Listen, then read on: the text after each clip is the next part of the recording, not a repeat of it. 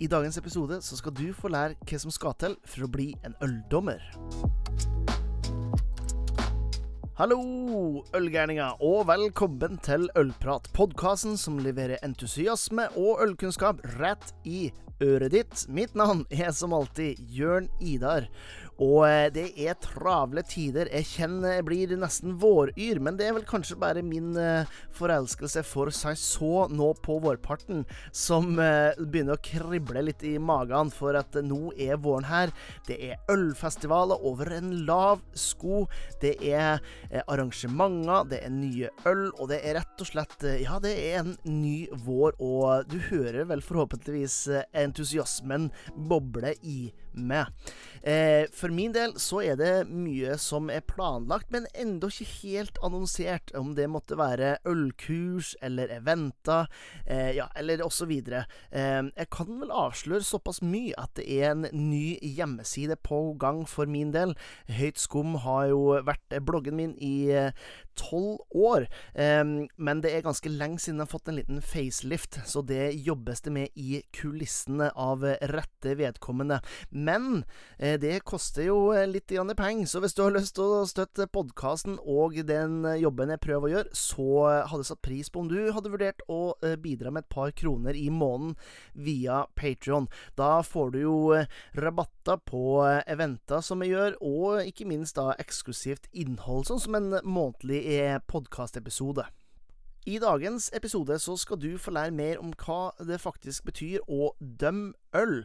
For jeg har fått med meg leder i dommerkomiteen for Norsk Hjemmebryggerforening, Per Øyvind Arnesen, på en god, god prat om eh, hva det vil si å bedømme en øl, hvilke kriterier som går inn i ja, rett og slett beskrivelsen av en god øl, og ikke minst hva er det som skal til for å bli en øldommer. Nå er det nok eh, babling fra min side. Det er på tide å fylle kaffekoppen, eventuelt glasset, med noe høyt skummende, og lande tilbake for denne episoden episoden av Ølprat.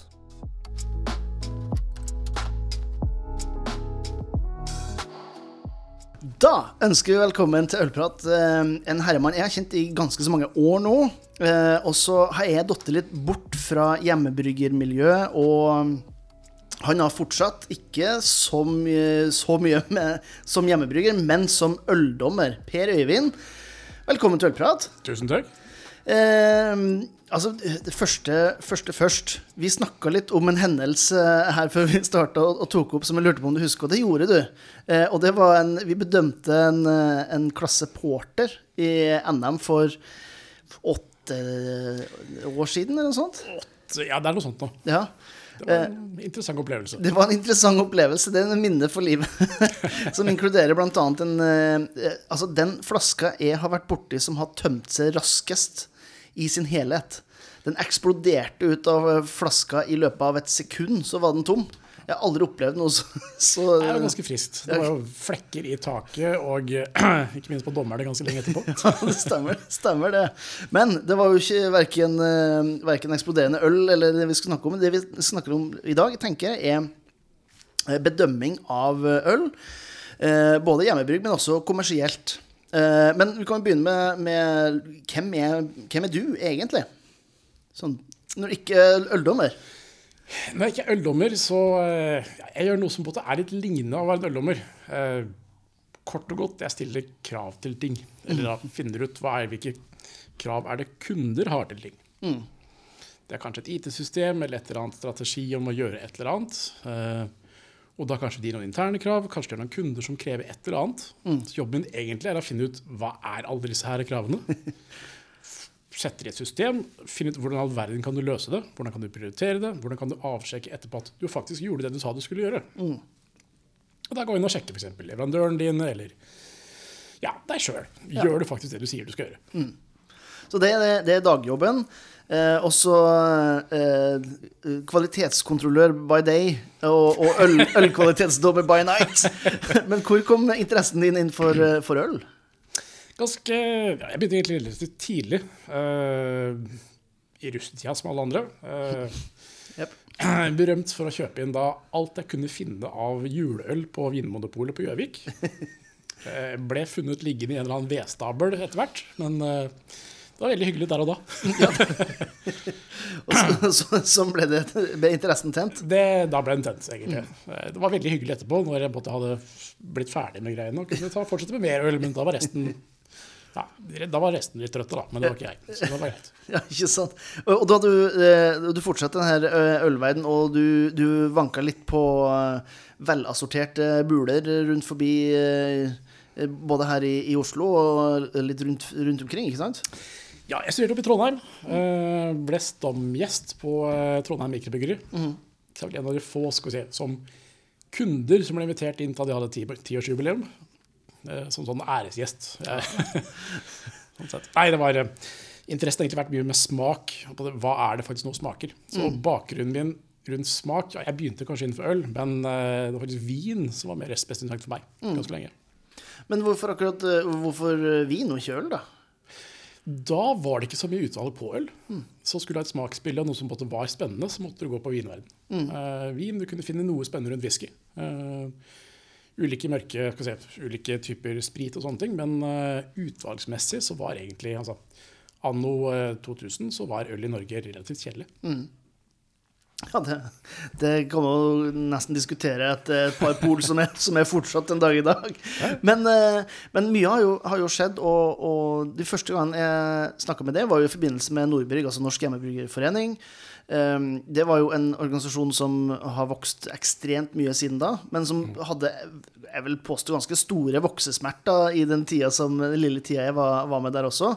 Og så har det blitt mye mer systematisert. Kanskje det er også litt din eh, din feil, men en av de tingene som du hopper ganske raskt på, var jo akkurat det her med, med bedømming av øl. Ja. Både bakgrunnen har vært hele tiden smak, og hva er det noe som, altså, hva smaker et øl? Er det et godt øl, ja eller nei? Så egentlig startet jeg, eh, skal vi si, ikke kall det karriere, men i hvert fall sånn hobbyølinteresse i eh, Nordøl. i sin tid. Måtte det være skal vi si, Norsk Ølvenners Landsorganisasjon. Eh, for nettopp da, de slåss mot eh, alle disse store oppkjøpene og nedleggelsen som da, skal vi si, datidens bryggerier drev med. Og det å kunne ha et, på et utvalg av øl tilgjengelig for forbrukerne, eh, og at du faktisk da fikk det du kjøpte når du så på flaska, Ja. i praksis. Eh, Så bakgrunnen min var egentlig der. Da, det var litt samarbeid mellom Norøl og Nordbrygg en, en periode. Mm. Så Norøl ble invitert inn når da f.eks. Nordbrygg hadde sine ølsmakinger. Eh, NM hjembrygging eller eh, si, ulike konkurranser, så spurte man liksom at det var øl, si, de som var interessert i øl i, i området her. Da kom jeg litt sånn tilfeldig i kontakt med Nordbygg. ja. Og, og det var starten på eh, noe som ikke har vært så veldig tilfeldig de siste ti, ti årene, men ganske så systematisert i form av øldommerutdannelse, som eh, er i Nordbrygg. Om jeg ikke husker helt gærent jeg, jeg vet ikke om jeg var på den første eller den andre. Jeg var i hvert fall ganske tidlig med på et av de oppleggene som du hadde. Det må, det må jo ha vært i 2011? Det er noe rundt da. Ja, Nordbrygg har på hatt en si, øldommerutdanning ganske lenge. Eh, man begynte med en sånn ok, Man begynte med å ha litt konkurranser, man skal, bryggerne skal møtes, og da vil man eh, si hvem er det som brygger best ølet. Mm. Finn ut det på en måte. Da må du må på en måte spørre en litt sånn upartisk enhet om dette. Her. Eh, Du kan krangle om det, men okay, få en dommer til å si er det godt eller ikke. Så for å bygge opp det, så okay, da må du ha noen dommere med litt opplæring, og litt, de må ha et eller annet som de ser etter når de skal på en måte prøve å bedømme ølene. Så så må litt hva fantes egentlig andre rammeverk. Eh, Dansken hadde noe de kalte for typedefinisjoner, med å si hva er en god porter, eller hva er en eh, god pils, eller IPA, eller whatever. Så man tok litt av eh, det som både var deres metodikk, eh, innførte det her. Mm. Begynte å utdanne litt dommere, for man så at dette er noe man trenger flere av. Så jeg selv sitter på dommerkurs og venta et halvt år på eksamen og sånne ting. det var i starten. Selv, altså, dette er en, ideell, altså, det er en frivillig organisasjon, så logistikkmessig har ikke alt vært det som har vært greia. Nei. Nordbrygg hadde jo en voldsom vekst med medlemmer. Og da profesjonalisering av alt mulig fra regnskap til medlemshåndtering til kurs osv. har vært en lang reise.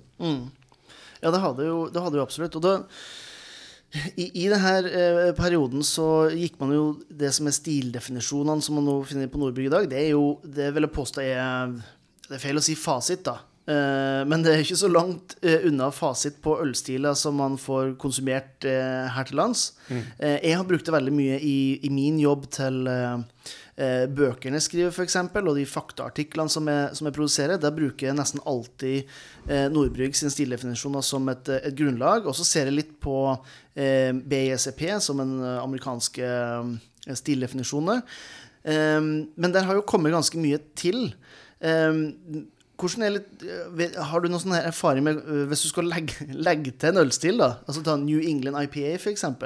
Hvordan foregår den diskusjonen blant, blant dommere på når man skal, skal lære, lære noe nytt? da? Ofte starten på det hele er at uh, bryggerne har funnet ut at nå er det et eller annet, det er en ny, kul ølstil man skal lage. Uh, og da har de lyst til å konkurrere i det, selvsagt. Så eh, ta eksempel da, da Neipa ble, definert som ølstil her, så skjedde det For det var mange brygger som begynte å brygge det. Og de ønsker å kunne levere inn konkurranse. Det er, en, det er ikke en IPA, det er noe annet rart. Så vi må definere hva det er for noe. Så starten på det hele var at vi satt tre stykker i møterommet i underetasjen her, faktisk. Eh, og rett og slett starta med å se hva finner vi på nettet om definisjonen av, av hva er en neipa. Akkurat da var det vanskelig å få tak i ordentlig neipa i Norge. Så hadde noen hadde smakt noe på byen og sånne ting. Eh, dere bare begynne å lese. Hva skriver amerikanerne om dette? Hva skriver bloggerne om det? Hva, hva finnes egentlig av materiell på hva er en neipa? Da var det å se på Prøve å sammenstille dette her i et eller annet som ser vettugt ut. Eh, hvor, hvor vi, altså hvorvidt spenn har dette her. Altså hva er smak og aroma, og hvordan skal det se ut? Eh, Sånne ting. Eh, Ja, for det kan vi jo ta for de som ikke Jeg går jo bare ut fra at alle som hører på det her, brygger øl hjemme, men det antagelig ikke. Eh, men en stildefinisjon i Nordbrygg den inneholder jo ting som eh, farge, bitterhet, estimert sukkerinnhold før og etter gjæring, utseende, aroma, smak og kommersielle eksempler. Blant annet.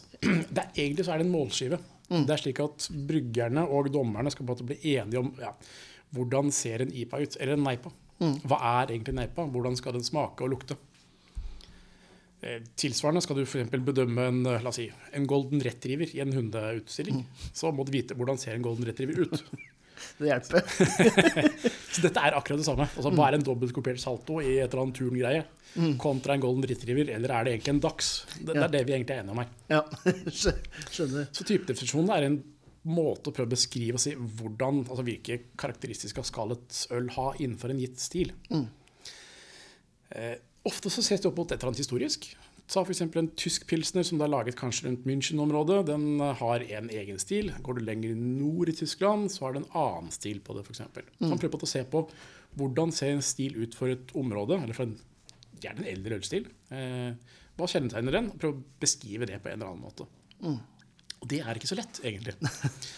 Fordi hvis jeg sier eh, hvor mye bitterhet er middels bitterhet, så kan du tenke Selv sitter du kanskje med en annen som hvis du har en pils i hånda, så er det en middels bitter pils. Den er så og så bitter. Sitter du med en IPA i hånda, og den har en middels bitterhet, så er det antakeligvis mer enn den middels du finner i en pils. Så alt handler egentlig om å bli enig om et slags felles begrepsapparat.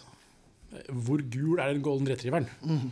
Det er det det går på, egentlig. Ja. Altså, hvor mye bittert er bittert? Eh, hvor god balanse er, er det mellom vi sødme og bitterhet? Er det noe syre her? Hvor mye syre? Er det litt? Er det fremtredende? Kan du så vidt kjenne det? Eller er det bare syrlig? Ja, og, og det, det er jo ganske eh, omfattelig, eh, hele det, det, det oppsettet her. Og det er jo litt trening som skal til. Egen, egentrening. Uh, altså drikke øl, da. Det er veldig Hvis å holde er sånn beste hjemmeleksa gir deg, sånn, ok, nå skal vi ut og trene. Ja. Nå er det eksamen om to uker, da må du trene på å drikke disse ølstillene. Det er kjempegøy. Ja, jeg, jeg prøver jo alltid når jeg, når jeg har ølsmaking, ja, for eh, når jeg vet at det er mange som ikke har så mye erfaring fra, fra smakinger, eh, så prøver jeg å forklare dem at det, er forskjell på å drikke øl og på å smake øl.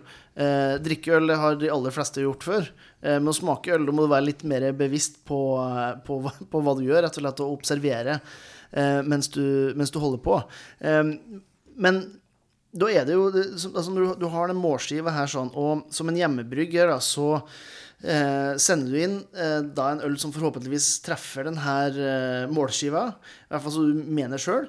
Eh, hvordan er, eh, hvordan er liksom den videre fremdriften da når ølet har kommet til, eh, til en konkurranse for å, å bedømmes? Mm. Et år, vi hadde en uh, juleølkonkurranse for et par år siden, eh, hvor da et par byggere på Kongsberg sendte inn noe som de syntes var en veldig god juleøl. Eh, det var, de fikk tilbakemelding med at det, det var ikke en veldig godt juleøl, men en veldig god porter. Så liksom, det er liksom avviksmessig på normal prosess, så bruker vi å si at ok, dette her ølet var det er meldt på som en uh, juleøl. Den, er, den var litt mørk og litt bitter og litt sånn rar. Uh, da skriver vi den. Okay, Har den de karakteristikene vi ser etter en juleøl? Den skal være litt karamell, sødmefylt, litt balanse med litt syre på. Funke til, altså, det er et øl skal funke til julemat. Kommer det noe som er litt, sånn litt, litt mørkbrent og litt bittert, som da kanskje ikke helt harmonerer med den beskrivelsen vi ser etter, så gir vi tilbakemelding om det.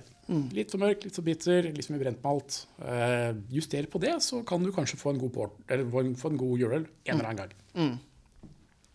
altså det, det dere, dere poengterer rett og slett at det er, en, det er en eh, veldig fin hund, men det er ikke en golden retriever. Nei, det er en flott dags. Ja, ja Så meld på i dagskonkurransen neste gang, Ja, så får du ovnsøret ditt å vinne da. Det gjorde forresten seg porterbryggerne. Ja, ja, det gjorde det. Ja. Så de vant jo NM hjemmebrygging med den porteren sin. Ja, det Som gjorde da, som da egentlig var en juleøl, mente de. Ja. Eh, Ja, for en, en, en øldommer Altså en, en bedømming av et hjemmebrygg på den måten der, det handler jo ikke om hva er det beste ølet. Det handler om hva er det beste ølet innenfor den stilen som det blir levert på. Det handler ikke om hva jeg som dommer liker best. Nei. Jeg er veldig glad i belgisk øl, for, eksempel, for min del, men jeg må kunne dømme en eller annen IPA eller en IPA eller et annet rart eh, øl, øltype ut fra det som er beskrevet i definisjonen. Så jeg må kunne lese den og si ok, her spør man etter eh, så og så mye bitterhet, så og så mye la oss si, blomsteraktig preg eller europeiske humler eller et eller annet sånt noe. Se om fi- finner jeg noe av karakteristiske da i, i ølet. Er det sitrus med smaker eller lukter, eller hva er det for noe egentlig? Prøv å si noe om hvilke, altså, hva er det jeg smaker og lukter. Skriv det ned, si hvor mye det er, og så matche dette opp mot eh, den definisjonen som man er blitt enige om på forhånd. Ja, og det er jo noe som eh, jeg regner med de fleste ikke tenker så mye på, men eh, samme prosessen har de jo på Vinmopolet. Eh, der er de ikke så rigide da, i forhold til stilene, men der er de enige på forhånd hva er det slags produkt man er på utkikk etter. Eh, også, der smakes også alt eh, blindt, så man vet ikke hva det er snakk om eh, før man smaker det. Og så prøver man å finne et produkt som matcher best den beskrivelsen som står på tavla bak dem, sånn at de, man er enig om hva man skal se etter av, av kvaliteter. Det viktige på det er også at dømming innenfor hjemmebrygging er dømt blindt. Det vil si, dommerne vet bare hvilken type stil øl det er. Vet ingenting om bryggerne eller prosess eller hvor sterkt eller mildt eller hva er egentlig oppi ølet. Med mindre det er noe egentlig unntak. Noen unntak hvis da noen sier at dette er et øl med ingefær. Da kan de si at ja, det er ingefær oppi i tillegg. Da vil også dommeren se etter er det ingefær der. Og kan de ikke merke det, så da har du bomma. Ja, ikke sant? Eh, Men hva er fordelen med å smake et øl blindt? Hvis du får en flaske med ja, et eller annet gitt bryggeri på bordet Da si eh, Nøgne slapp påskeølen sine nå, f.eks. Eh, Du får en nøgne påskeøl på bordet. Du har en forventning om hva du har sett på av hva har bryggeriet levert før. Du vet hva et påskeøl er for noe, du vet litt om hvordan skal dette smake. De har vært flinke før. hvordan Du, du, du bygger opp en god del meninger om hva er det du faktisk kommer til å få nå. Slik som da kanskje vil ødelegge. Du blir litt sånn forutinntatt Du blir forutinntatt. Du blir veldig sånn farga på altså, hva er det du faktisk har fått. Du har en høy forventning, altså så gir du poeng, eller et, en god score, som regel. Men som dommer så vil ikke det fungere. Du, du kan ikke vite hvem som har brygget ølet. Nei. Nei, det, du smaker det på nøytral grunn, på en måte. Ja. Mm. jeg må innrømme det.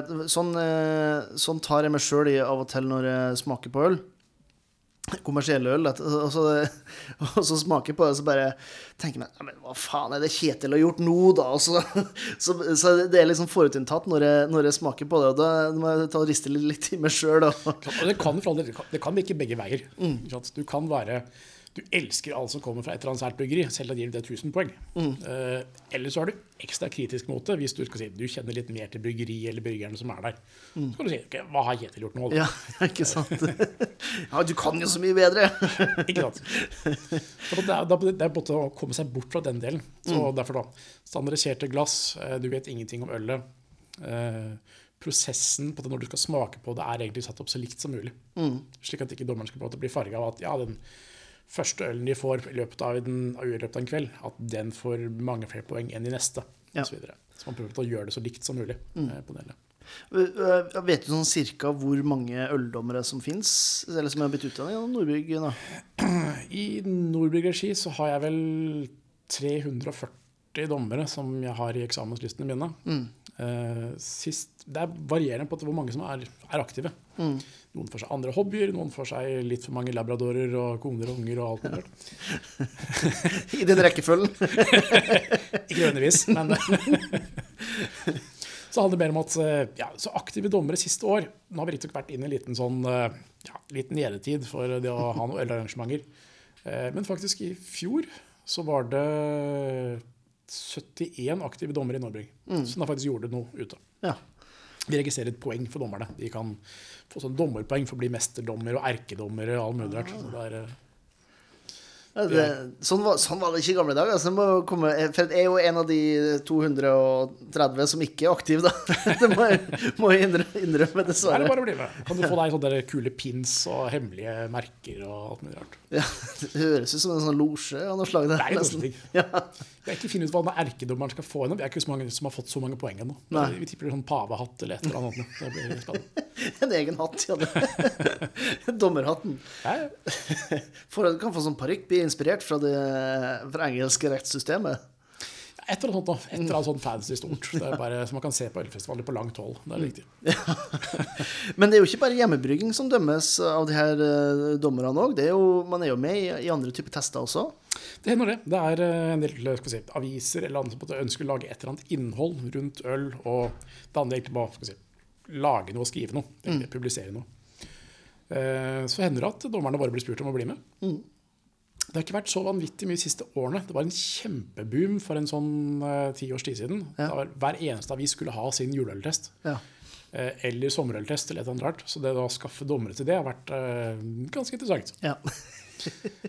VG hadde én test hvor vi var var 50 dommere over to kvelder. Det var helt sprøtt med folk. Eh, De brakk jo ryggen på logistikk. Du skal servere øl til alle disse dommerne i flere etasjer i et bygg. Det gjorde de ikke igjen. Nei. Det hørtes litt slitsomt ut, ja. Eh, Så på måte, dommerne er fortsatt aktive ute i enkelte sammenhenger. Mm. Dagbladet Din Side bruker bl.a. dommer fra Nordbrygg fast. Mm. Og da er det, De går rett på typedefinisjon. Altså, hva, hva er juleøl, og hva, hva skal det smake? eh, For eksempel. Ja, det er jo en del eh, eh, Juleøl er jo kanskje den eneste uh, Og nå sier jeg det med, med air quotes her, altså det den eneste stilen eh, som, eh, som alle skriver om. Eh, det er den eneste gangen i året at alle nasjonale publikasjoner har en eller annen form for, eh, for test av, av øl. Og det varierer jo rimelig mye i forhold til, til hva som leveres, om det er eh, halvparten av eh, Paradise Hotel-deltakerne som er med, eller om det er fag, eh, fagfolk som gjør det. Tror du, tror du de her eh, Paradise Hotel-deltakerne som er med på sånne tester, er med på å dra ned litt sånn seriøsiteten på en konkurranse, eller er det bare er de folkets, er de folkets folk, liksom? Det er, det er veldig hyggelig egentlig at det er så mye interesse rundt det. Eh, Det betyr at folk har, altså, de har interesse for området øl. eh, Og ønsker å mene noe om det og har et, har et forhold til det. Så det er veldig hyggelig at uh, Paradise Hotel-deltakere er med og mener om øl. Flott. Vær velkommen bli med. Men de bør ha litt trening. Jeg sier på det, hvordan, altså det kan være godt øl for de, ja, men kom på dommerkurs hos oss, Ja. så kan vi lære deg hva du faktisk skal se etter når du skal bedømme et øl. Ja, der, eh, Jeg får bare be Staysman om å komme på et eh, øldommerkurs. Det hadde han sikkert sagt Ja, takk til. velkommen. Dagens episode er sponsa av meg. Men eh, jeg setter jo pris på all hjelp jeg kan få fra det som hører på. Så enten om du støtter denne podkasten på patreon.com slash ollprat med et par kroner i måneden, eller om du har lyst til å benytte deg av noen av de kurs- og eventferdighetene jeg har, så er det bare å ta kontakt. Link til både Patrion og til min e-post, det finner du i shownotesen. Men hvis, hvis folk eh, ikke har anledning til å komme på et, eh, på et øldommerkurs eh, i Nordbrygg, eh, hva, hva skal folk tenke på Eller hvordan kan folk smake øl hjemme hos seg sjøl? Hva, hva er å smake øl, egentlig? Det handler egentlig om smak, først og fremst. Eh, som er et ganske interessant tema hvis du ser på altså, hva er egentlig smak. Folk har sikkert sett disse her tungekartene med at du har liksom søtt ytterst på tunga, litt sånn salt på siden og bittert langt, langt bak. og sånne ting. Mm. det var en idé man hadde i gamle dager, og det har man helt funnet ut at det er feil. Men du har en del det som kan vi kalle for basissmaker. Mm. salt, søtt, surt, bittert. Du kjenner umami eller sånn fettaktige smaker. Det kan du kjenne igjen med smaksceller som du har i, i munnhulen. Det vil gi deg på en måte basisen på om er noe giftig. Er det søtt? Er det noe som jeg kan spise? Det er, det, det er- starten din. Er det bittert, da er det antakelig giftig. Spytt ut. Det er, det, det er både basisen til, til smaksdelen. Så igjen har vi funnet ut at uh, enkelte ting kan jo, man kan prøve å si, navigere litt mer i hva er faktisk godt og er faktisk sunt. Så i tillegg til disse basissmakene så har du det vi kan kalle for aroma, som da er rett og slett små flimmerår som sitter oppi, oppi nesa og bak i svelget, eller litt oppi der, som da egentlig kjenner igjen hvilke type skal vi si, Hva lukter noe? Er det sitrus, er det appelsin, eller hva er det for noe? Det er grunnen til at når folk da, eller når dommer sitter og smaker, så svelger de kanskje litt av ølet ned. Men hvis de ikke kan svelge, de skal kjøre bil etterpå, så passer de alltid på å puste ut gjennom nesa etterpå. For å få inn hva er lukta av ølet.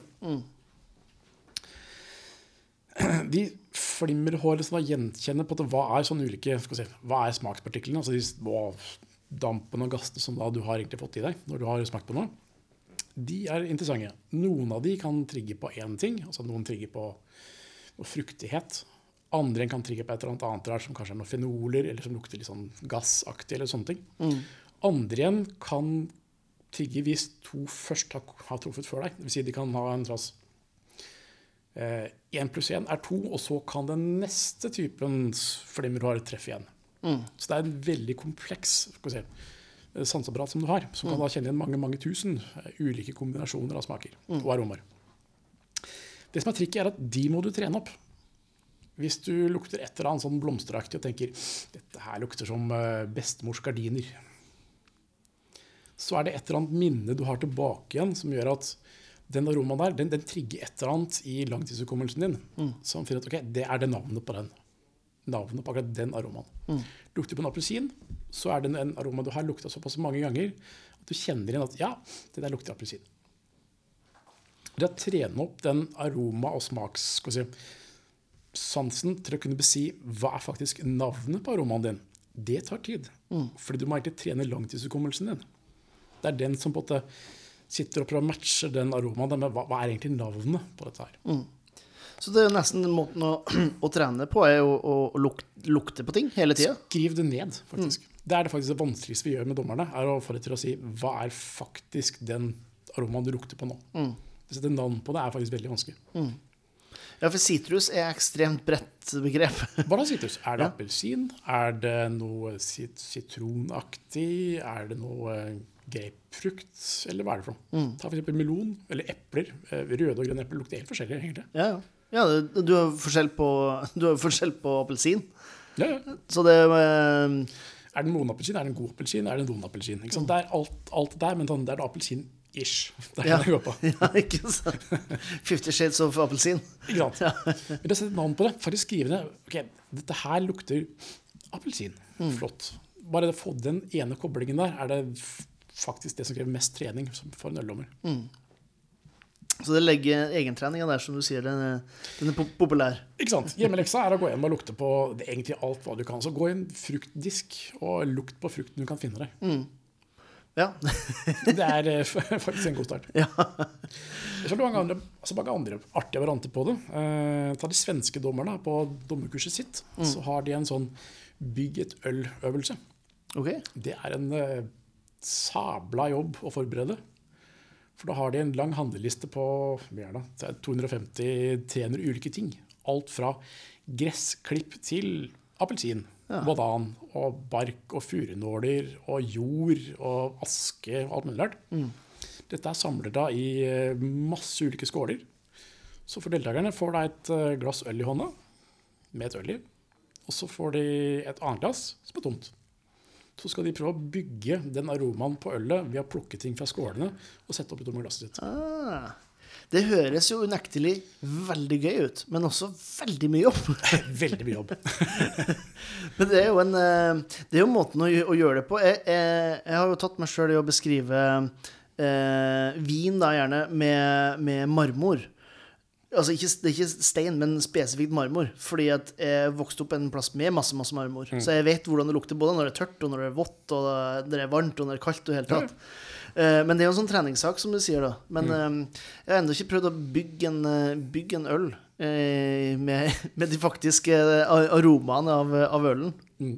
Handlister kan jeg få skaffa tak i. Den er, den er lang og fæl. Ja, det, det kan du se for meg. En, en av de tingene, for Når vi snakker om, om når man bedømmer, så bedømmer man jo ut ifra de målskivene som du snakker om, som er stilene.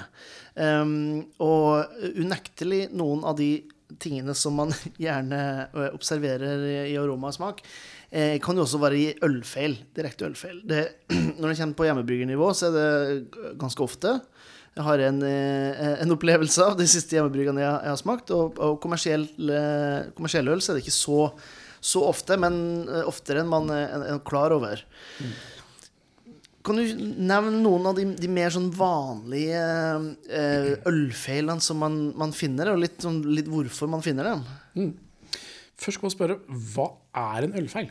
OK, hva er en ølfeil?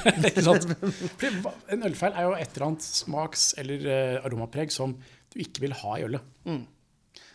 du kan fint eh, finne si, en smakskomponent som du ofte finner ellers. Eh, acetaldyd, som da lukter epler. Litt, litt slappe, dårlige epler, egentlig, men det er epleaktig.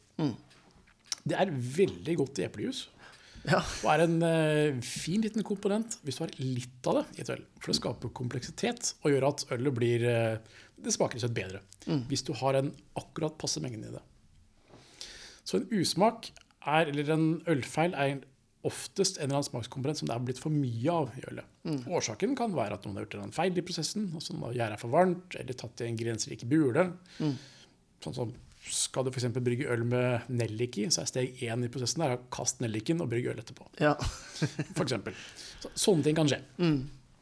Eh, det kan skje etterpå ting med at eh, ting er blitt infisert fordi du har ikke vaska flaskene dine godt nok osv.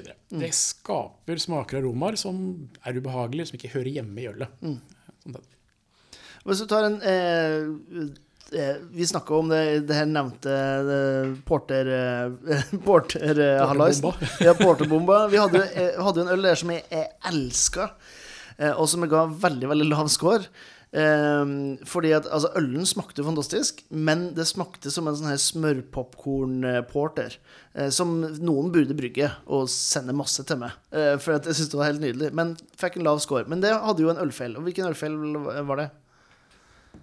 Popkorn er ofte skal si, kjennetegnet på noe som kalles for eh, DMS, eller dimetylsulfid. Det er et stoff som eh, ja, Det er egentlig grunnen til at man koker øl lenge. Spesielt uh, tysk øl, så er det en slags det er en sårforbindelse som sitter igjen i kornet, som du ønsker å få dampa bort. Den smaker popkorn. Eller lukter popkornaktig, egentlig.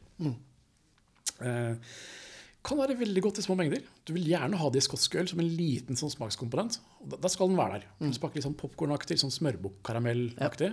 Blir Veldig kompleks og fin. Til du får for mye av den. Og da blir det litt feil.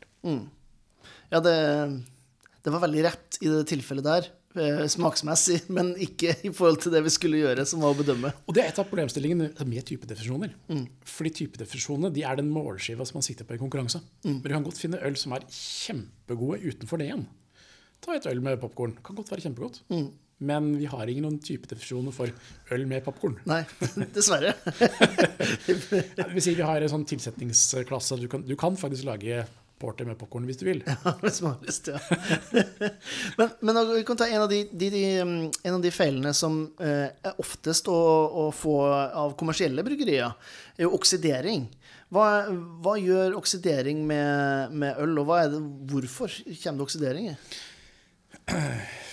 Så er da tilbake til er det faktisk en ølfeil. Oksidasjon kan være bra, kan være dårlig. I noen typer øl så vil du ha en oksidasjon. For oksidering vil jeg egentlig si det er en slags lagring.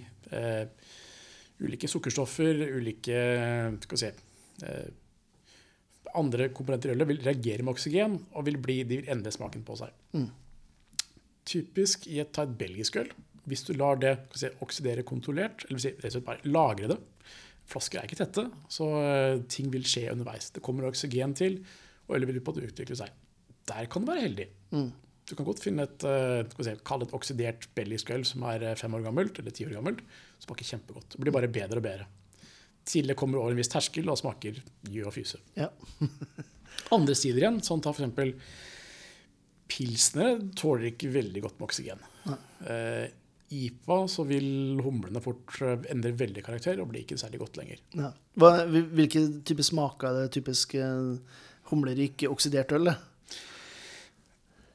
Det blir sånn si, litt sånn blakk, snodig smak. Det smaker det ofte litt sånn ja, si, Oksidasjon det, det, Papp er vel egentlig stikkordet. Ja, litt papp, pappmasjé-aktig. Ja. Eh, selv om papp Det fins veldig mange typer papp, egentlig. ja, det, det har Vi prøvd. Vi har kjørt sånn der, hvordan lage, vi har sånn, noe vi kaller for usmakssett til mm. dommerne våre.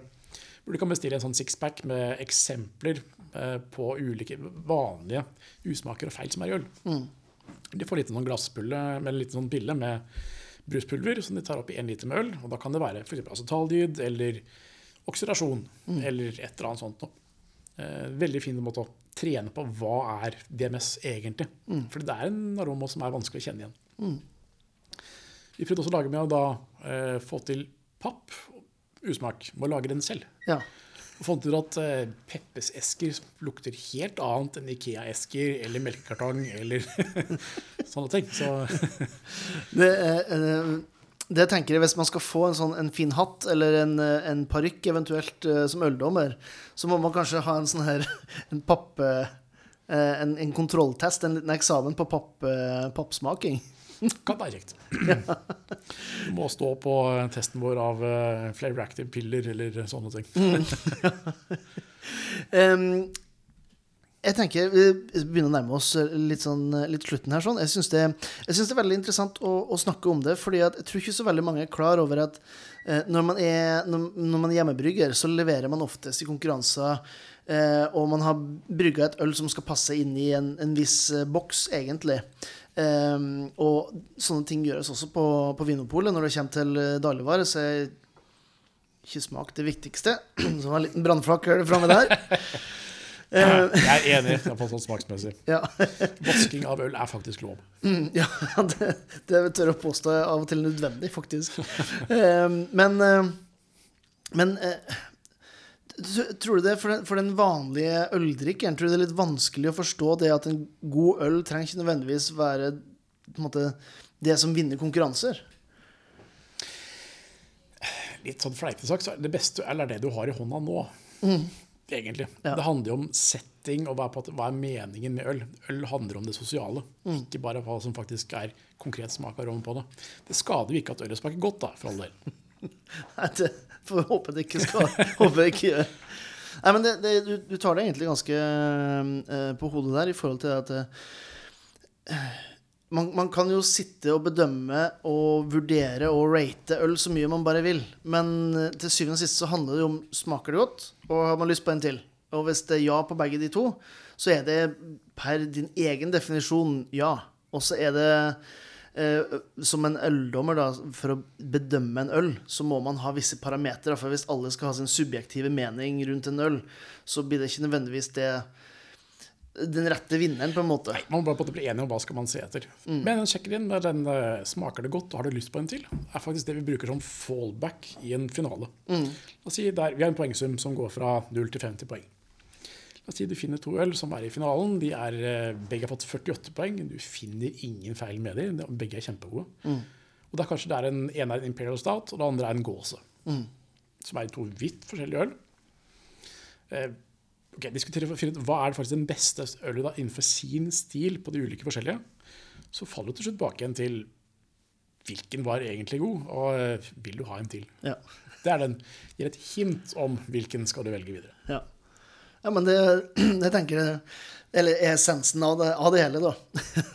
når man tøller med å gjøre det i en konkurranse, når man har tatt alle de andre parameterne som man kan være enige om, så faller man tilbake på ja, det, det essensen av, av Ja, andre øl, det skal være godt.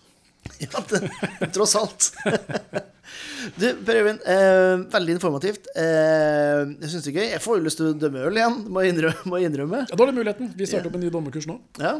Nå blir det faktisk nettkurs, så eh, de som er interessert, kan gå inn med et sånt nettstudio som vi har. Jaha. Det er, eh, vi tror det tar ca. fire timer å gå gjennom hvis vi, når vi får det publisert. Ja. Og da er det alt fra smaking og hva, hva gjør en dømmer, og hva, hva ser de etter, og sånne ting, mm. til litt hjemmeoppgaver og sånne ting. ja. Det finner man selvfølgelig på nordbrygg.no. Når det blir publisert, ja. Når det blir publisert, ja. det, det kommer snart. Ja. Det, det er bra. Det skal, jeg jeg skal ta, også, jeg skal ta dele det på, på Facebook og på Instagram når det, når det kommer ut, så at folk sitter klare med ølene og pappmasjeen sin klare for smaking allerede nå. Før at eh, jeg sier det, takk for praten, så må jeg stille det spørsmålet som jeg stiller alle som er med. Og det er, det er like enkelt som det er vanskelig.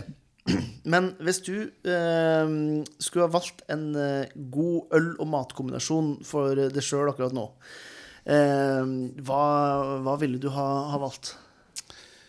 Noe med lite humle. Mm. I min verden så er på en måte humle eller bitterhet er ofte noe som eh, ikke matcher veldig godt med mat. Mm. Du kan bruke det som, et, eh, si, som en kontrast i noen matretter, men jeg lever ofte veldig mot si, belgisk type øl. Mm. Og det er på en måte veldig artig å servere da, eller sette sammen en eller annen meny med vilt forskjellige matretter. Eh, utfordre vinfolk man kjenner. Mm. eh, og komme med sine egne øl og se hva passer egentlig best. Ja. Så hvis du skulle ha valgt en matrett og en, en øl sammen, eller ølstil Vi er litt på seinsesongen med blåskjell nå, egentlig. Men uh, la oss si blåskjell dampa i en eller annen saison, f.eks. Eller en hvitt, eller noe slikt noe. Mm. Uh, det kan bli kjempegodt. Det er jo, eh, det er jo klassisk belgisk, så det de, de har gjort det her så mange hundre år at det- de har Det Her kan de. Ja, det, det kan de, så det, er- det er en solid anbefaling. Men Per Evin, da sier jeg bare tusen takk for, eh, for praten. Veldig gøy. Og så håper jeg at eh, jeg skjerper meg litt og får bli med på en konkurranse igjen snart. Det, velkommen skal du være. Takk, takk for praten. Selv takk. Takk til Per Øyvind for en alltid interessant ølprat, og ikke minst tusen takk til det som hører på. Og en spesielt takk til det som tar det tid til å abonnere på podkasten og legge igjen en liten anmeldelse på podkastappen eller på Apple Podkast. Det er med på å hjelpe algoritmegudene med å få det her øltoget inn på flere perronger, sånn at vi kan få flere folk med oss på det her fantastiske reisen.